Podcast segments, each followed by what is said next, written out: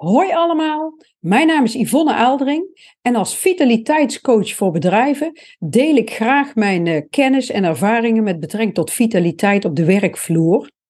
En ik probeer elke keer weer een uh, leuk nieuw thema te verzinnen. Uh, ja, vaak geïnspireerd wel door uh, mijn directe praktijk. Uh, met betrekking tot allerlei dingen die uh, ja, in onze leefstijl, in onze vitaliteit zitten. En vandaag ga ik het hebben met jullie over uh, ja, wat je slaap kan verstoren. Want eh, stiekem zijn er toch wel heel veel mensen die niet goed slapen. Nou, en er zijn allerlei factoren die daar invloed op hebben. En ik ga het vandaag ga ik wat meer uitleg geven over de drie dimensies van slaap. Nou, en ehm, Stefan Lucies, die heeft ooit eens een boek geschreven, dat heet Weltrusten. En daarin legt hij uh, een model uit met drie dimensies van slaap. En dit model gaat ervan uit dat wanneer onze slaap verstoord is geraakt, ja, dan is er sprake van een mankement van minimaal één van die drie dimensies. En wat zijn nou die drie dimensies? Dat zijn slaapdruk, bioritme en arousal. Nou, daar wil ik gewoon eens even wat dieper op ingaan en wat meer uitleg over geven. En dan begin ik eigenlijk met de eerste, met slaapdruk. Nou, mensen hebben met slaapproblemen, die hebben vaak een uitdaging met slaapdruk. En met slaapdruk bedoelen we eigenlijk de toenemende behoefte om te gaan slapen naarmate we langer wakker zijn. Dus als jij lang wakker bent, op een gegeven moment ga je toch slaperig voelen, ga je moe worden. Nou, en je kan je voorstellen dat wanneer je moeite hebt met slapen, en je overdag uit vermoeidheid een dutje gaat doen, dat je daarmee je slaapdruk een slechte dienst bewijst. Want die wordt dan lager, waardoor de kans groter wordt dat je weer een avond plafonddienst hebt en naar het plafond ligt te staren. En ook onze mate van inspanning overdag, die speelt bij slaapdruk een rol. Want hoe actiever jij bent overdag, ja, des te hoger wordt jouw slaapdruk. Dus bijvoorbeeld nog een stevige avondwandeling doen, ja, dat verhoogt alleen maar je slaapdruk en is natuurlijk veel beter dan uh, een avondje op de bank Netflix kijken. Hè, daar verhoog je je slaapdruk niet mee. Nou, en hoe kunnen we onze slaapdruk nou positief beïnvloeden? Ja, dat doe je door bijvoorbeeld zoveel mogelijk vast te houden aan uh, ja, vaste slaaptijden. Zowel voor het opstaan als voor het naar bed gaan. Ja, en ook in het weekend. Want dan krijg je dus een ritme, een routine. Nou, dat is best even zoeken en schakelen. Hè? Vooral uh, ook soms binnen een relatie hè, met een partner die misschien een heel ander uh, ritme heeft of routine. Maar het levert je op de lange termijn wel een betere nachtrust op. Dus ja, aan jou natuurlijk de keuze. Dus dat wat betreft slaapdruk. Nou, dan hebben we ook nog het bioritme. En de rol van het bioritme is veel groter dan veel mensen denken. Zo kan een goede nachtrust, die kan een enorm verschil maken voor onze gezondheid. He, wanneer we niet goed slapen, dan verstoort dit zelfs je fysieke communicatie tussen uh, onze hersencellen. En de hele dag door korte stukjes slapen en tussendoor wakker zijn, ja, dat is natuurlijk niet ideaal. Maar dit is wel wat er zou gebeuren als ons lichaam alleen maar op slaapdruk zou reageren. Nou, gelukkig hebben wij als mensen natuurlijk ook nog gewoon een soort interne klok, hè, die ons helpt om het ritme van ja, ongeveer 24 uur te volgen. En dat noemen ze ook wel het uh, circadiaans ritme. Dus dan heb je het dag-nachtritme, het bioritme of het circadiaans ritme. Daar wordt ook nog wel eens door elkaar heen gebruikt. Maar daar wordt eigenlijk gewoon allemaal hetzelfde mee bedoeld. Dat is gewoon onze interne klok. En samen met slaapdruk creëert ons bioritme ja, een soort harmonieuze verdeling van slapen en wakker zijn voor ons lichaam. Een uh, kleine groep neuronen, zenuwcellen in onze hersenen, die is hiervoor verantwoordelijk. En onder slaapexperts, ook wel bekend als de nucleus suprachias, maticus. Flink, uh, dat is een leuk woord voor galgje. Hè? Ik weet niet uit hoeveel letters het bestaat. Maar goed, deze um, zenuwcellen die hebben wel invloed op ons bioritme. Hè? En dat bioritme zorgt ervoor dat wij s'nachts rusten en dat we overdag actief zijn. Nou, en hoe gebeurt dat? Dat gebeurt eigenlijk door, door middel van zogenaamde Zeitgebers. Dat is een Duits woord. Maar die Zeitgebers, die zorgen ervoor dat ons lichaam en dat onze interne klok, dat die eigenlijk goed blijven lopen. Ja, en waar moet ik dan aan denken bij Zeitgebers? Ja, dat zijn gewoon externe factoren die onze biologische klok beïnvloeden en reguleren. En ja, de bekendste Zeitgeber is eigenlijk gewoon zonlicht. Als de zon opkomt, dan gaat het lichaam meer cortisol produceren en dan worden we wakker. En wordt het s'avonds donker, ja, dan, gaat ons, uh, dan gaan wij meer melatonine produceren. Hè? De melatonineproductie gaat omhoog en we worden slaperig. Maar wat bijvoorbeeld ook uh, zijn, is voeding, beweging.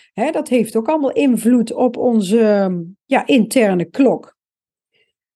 En um, uiteindelijk heeft dat dan ook weer invloed op onze gezondheid. En wat is dan ook zo'n voorbeeld van een sidekeeper? Is eigenlijk ook de tijdstippen waarop wij eten, waarop we bewegen. En um, ja, wanneer we een bepaald licht voor onze ogen krijgen. Want licht is eigenlijk heel essentieel voor de aanmaak van het hormoon serotonine.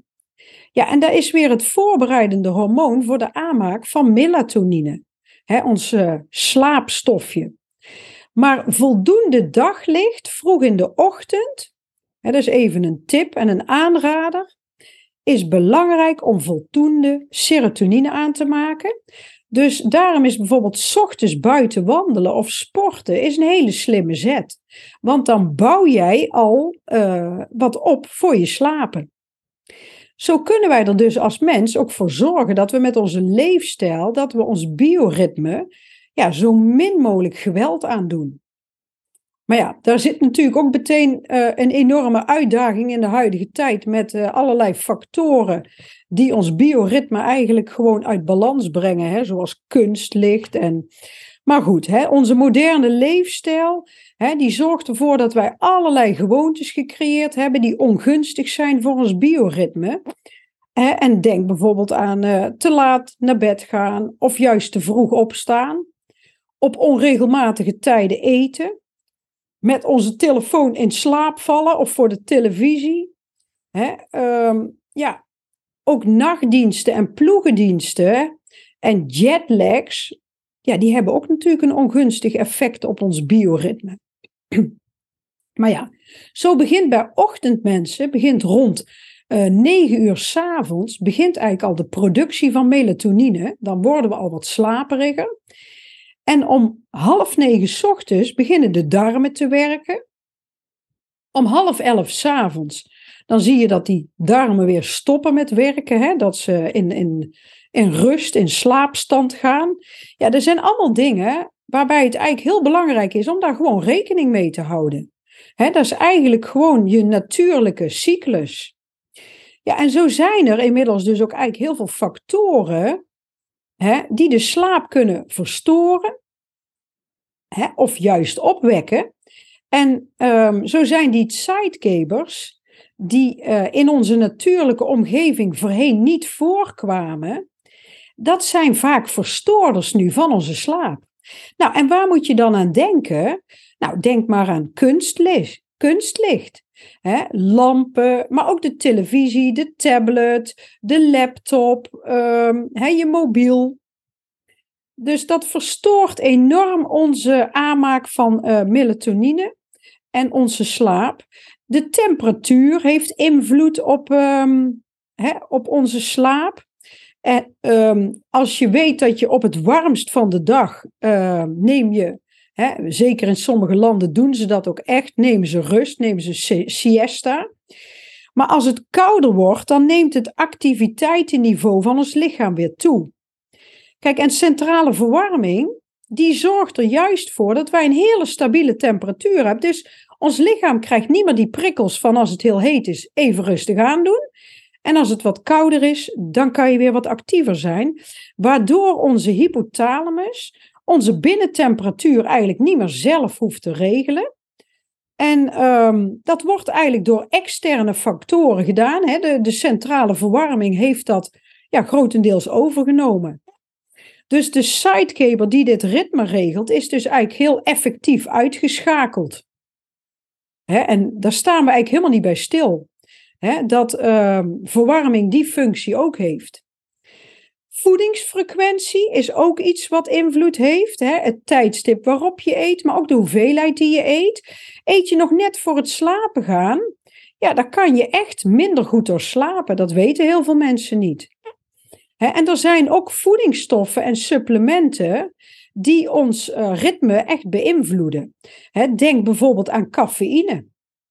Dus net voor het slapen gaan cafeïne nemen is ook niet goed. Maar ook het aminozuur L-tryptofaan, dat wordt omgezet in melatonine. Ja, dat kan er ook voor zorgen dat jij um, slaapverstoringen krijgt. Want bijvoorbeeld die L-tryptofaan, die wordt bij een jetlag, um, wordt, dat, um, ja, wordt dat geprikkeld. Maar soms zie je ook dat mensen suppletie nemen, hè? dus tabletten, melatonine tabletjes. Hè? En waardoor uiteindelijk het gevaar van die suppletie is dan dat je de natuurlijke aanmaak verstoort. En dat het lichaam het zelf niet meer hoeft te doen. Wat ook nog invloed heeft op jouw uh, ja, natuurlijke ritme is uh, medicijnen en drugs. Hè? Daar word je ook uh, ja, door beïnvloed. Wat verder ook uh, heel erg bijdraagt aan goede slaap, of juist uh, niet goed slapen, is bewegingsarmoede. Een zittende leefstijl, te weinig bewegen. Hè, we, hebben voor het, ja, we, zijn eigenlijk uh, veel minder actief geworden dan vroeger. Hè, we hebben voor het heel veel luxe en allerlei ja, middelen en apparaten, waardoor we eigenlijk niet meer uit onze stoel hoeven, uit onze zetel. Um, sociale stress, dat kan er ook voor zorgen dat je minder goed slaapt, dus um, ja, dat zijn eigenlijk factoren die onze natuurlijk ritme verstoren en beïnvloeden in negatieve zin. Nou, dat was het bioritme. En dan ga ik nu naar de volgende, en dat is aurazaal. En dat is een ander woord voor uh, alertheid. Veel mensen zijn de hele dag alert. Die staan de hele dag aan. En um, ik heb daar eigenlijk uh, vorige week een podcast over opgenomen en een filmpje. Um, over hoe dat je beter ja, kan gaan ontspannen en niet de hele dag aanstaat. Dus als je daar nog een keer wat meer van wil weten, luister die zeker even. Maar dit heeft ook zeker invloed uh, op onze slaap, waardoor we moeilijker in staat zijn om s'avonds te gaan slapen. Want ons aurasal-niveau, dat fluctueert normaal gesproken gedurende de dag in een natuurlijk ritme. En bijvoorbeeld piekeren en stress, Hè, er zijn dan psychologische factoren. Hè, maar ook verstoringen in het lichaam, zoals um, hè, medicijngebruik, maar ook je ademhaling. Hè, denk maar aan mensen met slaapapneu of mensen die een hele hoge ademhaling hebben. Hè, een, een soort stressademhaling en soms onbewust. Ja, dat heeft allemaal invloed. Maar ook een verhoogde schildklierwerking. Die zorgen ervoor dat jouw niveau dat dat niet optimaal is. En bij te veel spanning of stress blijft het lichaam in een toestand van alertheid. He, oftewel, jouw sympathicus is erg overenthousiast. Nou ja, en het nadeel daarvan is dat wij hierdoor onvoldoende kunnen ontspannen.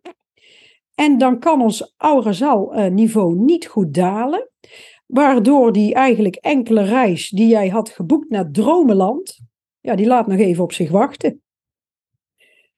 Die alertheid is overdag natuurlijk geweldig fijn, hè, tijdens een vergadering, als je aan het werk bent.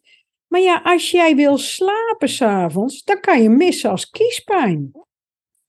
Dus um, een tip daarvoor is, uh, maar daar kan je ook mijn podcast natuurlijk voor beluisteren, is creëer voldoende pauzes, microbreaks, rustmomenten overdag. Heb je trouwens ook al wel eens geëxperimenteerd met een avondritueel? Ik noem het ook wel eens een slaaphygiëne. Hè, om de dag rustig af te schakelen.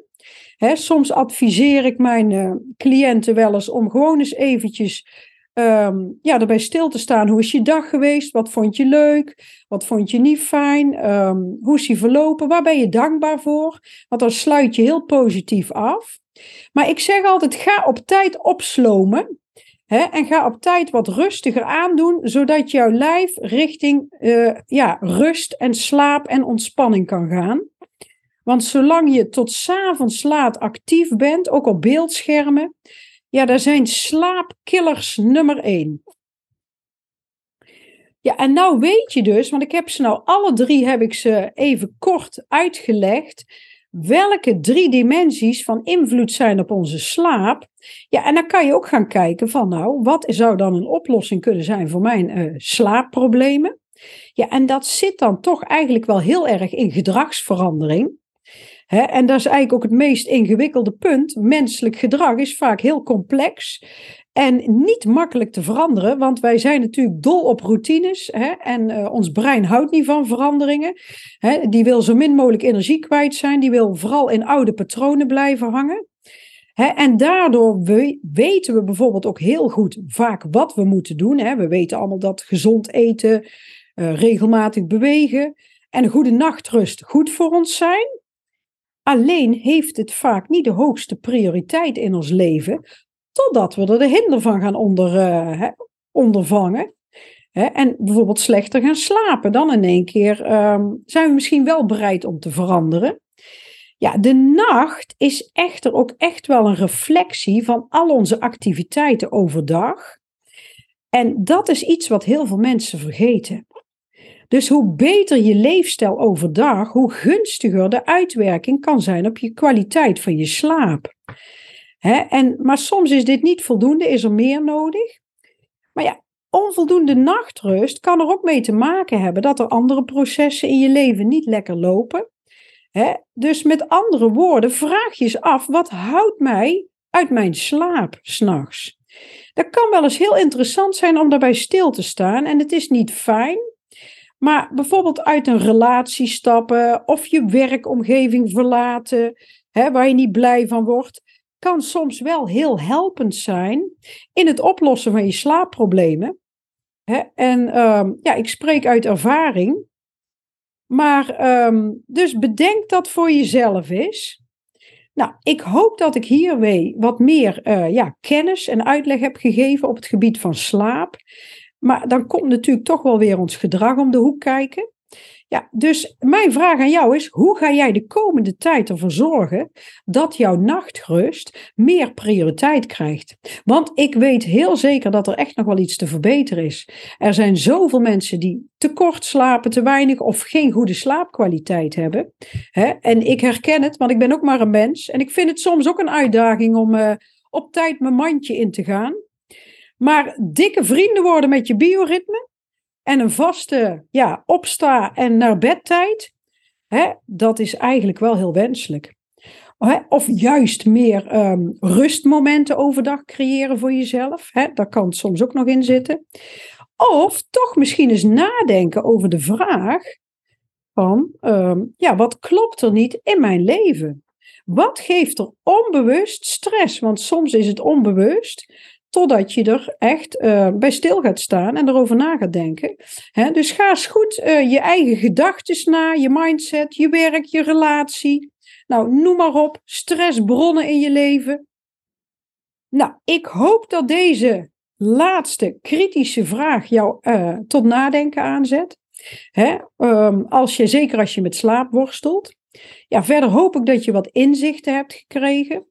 Nou, vond je het interessant? Abonneer je dan ook op mijn podcast of YouTube kanaal. En deel ook gerust deze aflevering met iedereen waarvoor je denkt dat het interessant kan zijn. En um, ja, ik zou zeggen graag tot een volgende keer. En mocht je nog wat meer van mij um, ja, willen zien, je kan ook altijd een keer op mijn website kijken: www.ivofit.nl. Nou, tot ziens zou ik zeggen.